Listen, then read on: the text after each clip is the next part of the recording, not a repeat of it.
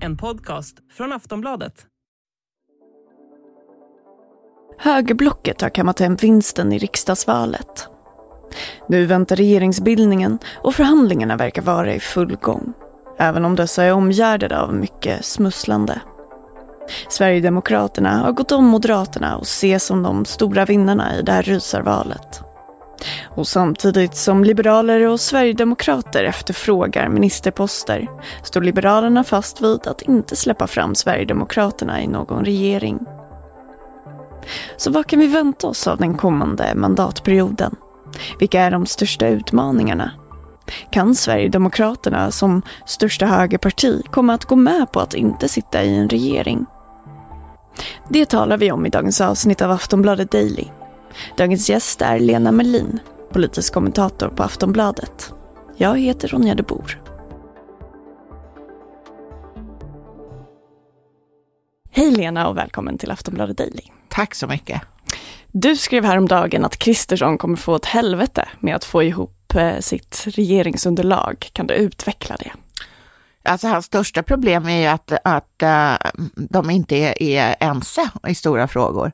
De, eh, de har ju däremot under valrörelsen varit ganska duktiga på att torgföra de, de punkter som de är överens på. Men nu ska de ju då sätta sig ner och få ihop en budget på något sätt. Och det är då oenigheten kommer i dagen. Och då kan man säga att eh, Liberalerna till exempel, de vill absolut inte nagga i biståndet. Det vill inte Kristdemokraterna heller, heller göra, fast de kan tänka sig att eh, effektivisera det, säger de. Och det kanske betyder att man eh, drar ner, kan dra ner lite grann. Men både Sverigedemokraterna och Moderaterna bekostar ju stora delar av sina satsningar i deras respektive eh, valmanifest och så vidare med sänkningar av just biståndet. Så där har vi en eh, sprängpunkt och sen en annan väldigt enkel sådan eh, handlar om a-kassan som då Sverigedemokraterna absolut inte vill sänka. Den höjdes ju temporärt under pandemin bara för att folk eh, verkligen skulle, ja inte skulle liksom hamna på bar backe eh, när det inte fanns några jobb att få därför det var, det var, arbetsmarknaden var ju djupt störd av coronakrisen. Men eh, det vill eh, Moderaterna använder ju de, de vill absolut sänka det här igen, eller sänka och eh, betala en del av sina satsningar, till exempel skattesänkningar med det. Um, och både L och SD har börjat framföra krav på till exempel ministerposter. Hur ska man förstå sig på det? Ja, alltså jag, jag skulle inte falla död ner om Liberalerna faktiskt kommer att sitta i den här regeringen, trots att Kristersson eh, ju har sagt under hela valrörelsen att, eh, att eh, han vill bilda regering tillsammans med Kristdemokraterna enbart. Och han har antytt att han inte liksom litar på Liberalerna eftersom de är ju kluvna i sin inställning till SD och han misstänker då att eh, Johan Persson inte kan hålla ihop sin riksdagsgrupp. Men jag, jag, skulle ändå inte bli förvånad om det till slut blir så att Liberalerna sitter i den där regeringen. Jag tror inte att Sverigedemokraterna kommer att göra det. Och det verkar ju som att de på något sätt har accepterat det. Och senast, så sent som nu på morgonen så talades det ju på nytt om det här skriftliga avtalet som Sverigedemokraterna vill ha med, eh, med den moderatledda regeringen för att vara säker på att eh, den politik som de vill se förverkligad kommer att drivas av uh, Ulf Kristersson och hans gäng. Och där, och där upprepar de för övrigt det här kravet på, på att bibehålla den höjda a-kassan. Men varför tror du att Liberalerna då kommer eh, vara en del av regeringen? Eh, av det enkla skälet att det kan vara bekvämast för Ulf Kristersson. Det är flera ledamöter som är väldigt negativt inställda till till eh, ett samarbete med Sverigedemokraterna. Och eh, det är lättare för dem att blomma ut helt enkelt om de, om de bara är ett stödparti till regeringen än om de sitter i den. Kommer Sverigedemokraterna då acceptera att Liberalerna hamnar i regeringen? Ja, det vet man ju inte. Det är en av de knutar som, som eh, Ulf Kristersson måste lösa upp. Och hur kan man då ändå förklara att Sverigedemokraterna som är det största partiet i högerblocket, varför de kommer acceptera att inte vara del av regeringen? Alltså, Jimmie Åkesson har ju under, under sin tid som riksdagsledamot varit mm, liksom velat skynda lite långsamt för, med, med Sverigedemokraterna. Alltså han vill ju absolut inte att de inte ska vara, ha någon makt, det, det, det såklart. Men han har ändå inte velat ta liksom jättekliv utan mera lunka framåt. Och det där, jag, så det här tror jag passar deras strategi. att Ja, nu kommer de ju sannolikt att få diverse ordförandeposter i riksdagens utskott, vilket ju är jätteviktigt för, alltså jätteviktiga uppdrag för att genomföra regeringens politik och se till att de går igenom riksdagen. Så där kommer ju väldigt många lära sig väldigt mycket. De kommer sannolikt få tjänstemän på regeringskansliet. Det är också då att man mm, liksom lär upp en, en kader politiska tjänstemän. Det är också väldigt viktigt för ett parti att ha sådana. Och, mm, så att nästa, om det, det här skulle varit om vi får precis likadant valresultat efter nästa val, då är jag helt säker på att de kommer att kräva att få sitta i regeringen. Och kanske, kanske redan efter någon regeringskris här om två, tre år. Så, och, så kanske de säger att ja, nej, nu jäklar, nu, nu är vi redo. Samtidigt har SD framfört att man gärna vill ha talmansposten. Varför är den viktig för Sverigedemokraterna? Ja, det kan man ju verkligen fråga sig. Det är, det är ju en viktig post för riksdagsarbetet, men det är ju inte som, det är inte direkt någon, någon, eh, den har ju inget, personen i fråga har ju inget inflytande över politiken, så att jag antar att de bara tycker att det är en tjusig post att ha. Det är ändå en person som står näst efter kungen i, i rangordningen. Mm. Och ser det ut som sannolikt att de kommer få talmansposten? Alltså det här valet kommer jag att göra som eh, knappt två veckor. Det är då riksdagen ska utse talmannen och jag tror att det är helt omöjligt att förutse vad som kommer att hända i den här frågan under så lång tid därför att det kommer att vara så mycket korridormygge. Vi har precis lämnat en stökig mandatperiod eh, bakom oss. Hur tror du att den här blir? Jag tror att den också blir stökig. Eh, marginalerna kommer att vara mycket små, precis som under, under den förra mandatperioden och eh, när det verkligen kommer till kritan så är ju partierna inte så himla intresserade av att samarbeta med varandra eh, som de säger att de är. Så eh, vad kommer bli de största utmaningarna de kommande åren?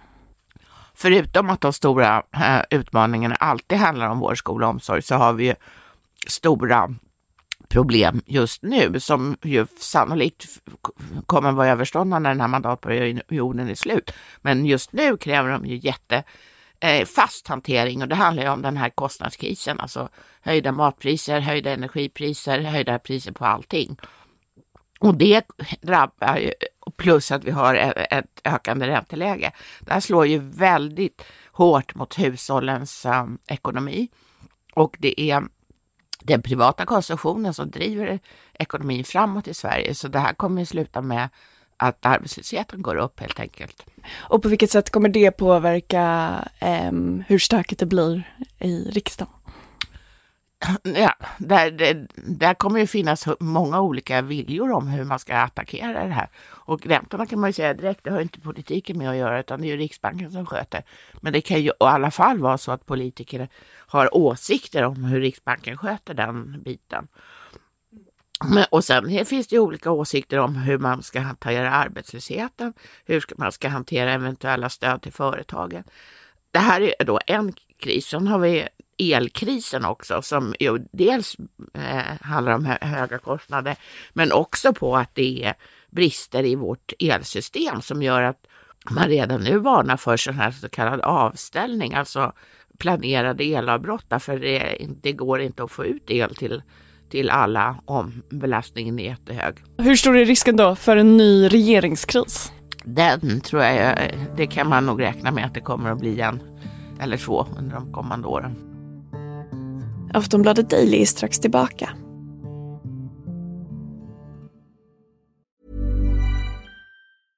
Ready to pop the question? The jewelers at BlueNile.com have got sparkle down to a science with beautiful lab-grown diamonds worthy of your most brilliant moments. Their lab-grown diamonds are independently graded and guaranteed identical to natural diamonds, and they're ready to ship to your door. Go to Bluenile.com and use promo code LISTEN to get $50 off your purchase of $500 or more. That's code LISTEN at Bluenile.com for $50 off. Bluenile.com code LISTEN.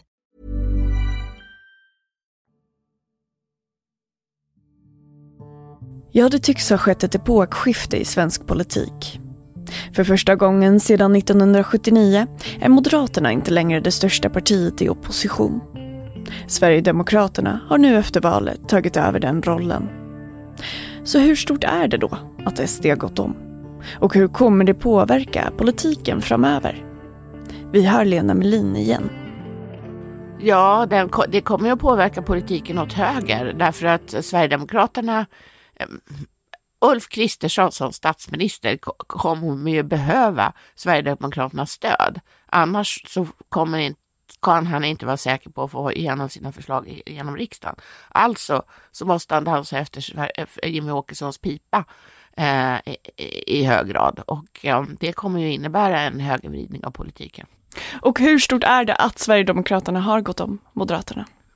Hur stort det är? Mm. Det är jättestort. Jag, jag upplever, jag, min åsikt är att Sveriges politiska karta har ritats om för andra gången på fyra år. Förra gången var det när alliansen imploderade och, eh, ja, och man så att säga, öppnade för ett samarbete med Sverigedemokraterna, för det var ju det som Moderaterna och Kristdemokraterna gjorde sedan alliansen hade imploderat. Eh, det här är ju nästa steg därför att eh, nu är de det största partiet på högerkanten och eh, det är klart att det kommer att påverka svensk politik under lång tid. Jag satt faktiskt och räknade i häromdagen och sedan, de senaste 20 åren så har de här fyra, fem partierna på högerkanten, om man får uttrycka mig så, alltså de fyra borgerliga partierna och Sverigedemokraterna, de har sammanlagt ökat med 12 procentenheter sedan valet 2002. Och det är ganska mycket. Och jag tycker att när jag satt en annan dag och tittade, tittade på gamla valfilmer så kan jag säga att eh, valfilmer från 2014 ger ett intryck av att vara ungefär 50 år gamla, att det har hänt så mycket sedan dess. Kan du eh, utveckla det? På vilket sätt har det hänt så mycket? Uh, ja, men det var liksom ett helt, helt annat debattklimat.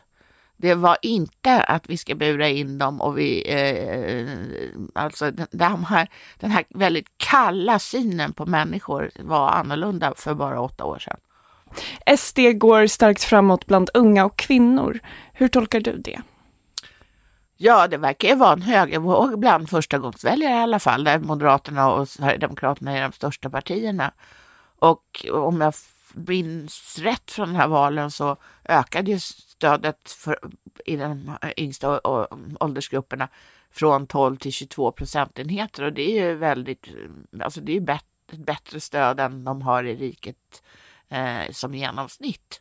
Så att eh, ja, jag vet inte riktigt hur jag ska förklara det, det för att jag tycker det är mm, lite konstigt att, att, så, att så pass unga människor redan tycker att det är dags att ta fram batongerna så att säga. Det, man brukar vara lite mer av en världsförbättrare när man är ung. Och kommer vi se partiledare som avgår den närmsta tiden? Ja, det skulle jag nog, alltså Ulf Kristersson har ju nu, han har i och för sig gjort en dubbel förlust. Eh, stödet för Moderaterna har sjunkit svagt, men dock. Eh, och han, hans parti har förlorat positionen om Eh, Eh, att vara det näst största partiet och det största partiet på, på, på den högra planhalvan. Men han har ju blivit statsminister så att eh, han, jag tror inte att han behöver avgå trots de här eh, nesorna så att säga för Moderaterna. Jag tror inte heller att Jimmie Åkesson som har varit partiledare i 17 år kommer att avgå under den här mandatperioden vilket han säkert hade gjort annars. Men nu, får ju, nu, har, ju, nu har ju Sverigedemokraterna kommit nästan så långt som de vill. Alltså de har en, en, ett enormt och reellt inflytande över svensk politik. Och det har jag väldigt svårt att tro att eh, Jimmie Åkesson vill missa. Eh, det, det, han, det är det han har kämpat för hela sitt vuxna liv och nu är han där. Så det tror jag inte heller. Men däremot så tror jag att det kan vara eh, att Annie Lööf kommer att lämna. Hon har nu varit partiledare i 11 år. Hon, eh, Centern har tappat mer än var femte väljare. De har tappat, eh, hamnat på efterkälken eh, till Sverigedemokraterna på land, i många landsbygds, eh, eller kommuner på landsbygden och glesbygden. Det är, det är dags för ett omtag för Centern och det tror inte jag att man klarar av efter 11 år som partiledare att ta. Så hur kommer Sveriges nästa regering se ut? Ja, jag tror ju då att det kommer, det kommer att bestå av eh, Moderaterna, Kristdemokraterna och kanske Liberalerna.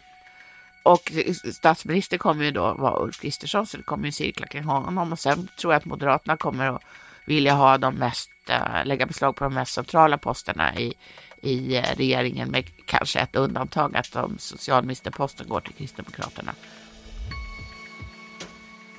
Det säger Lena Melin, politisk kommentator på Aftonbladet och dagens gäst i Aftonbladet Daily. Mer rapportering om valet hittar du på aftonbladet.se. Jag heter Ronja de Bor. Vi hörs.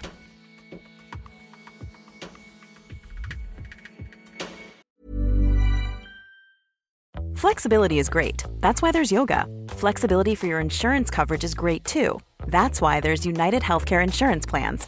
Underwritten by Golden Rule Insurance Company, United Healthcare Insurance Plans offer flexible, budget friendly coverage for medical, vision, dental, and more. One of these plans may be right for you if you're, say, between jobs, coming off your parents' plan, turning a side hustle into a full hustle, or even missed open enrollment.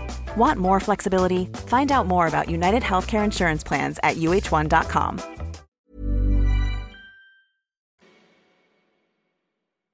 Du har lyssnat på en podcast från Aftonbladet. Ansvarig utgivare är Lena K Samuelsson. Tired of ads barging into your favorite news podcasts?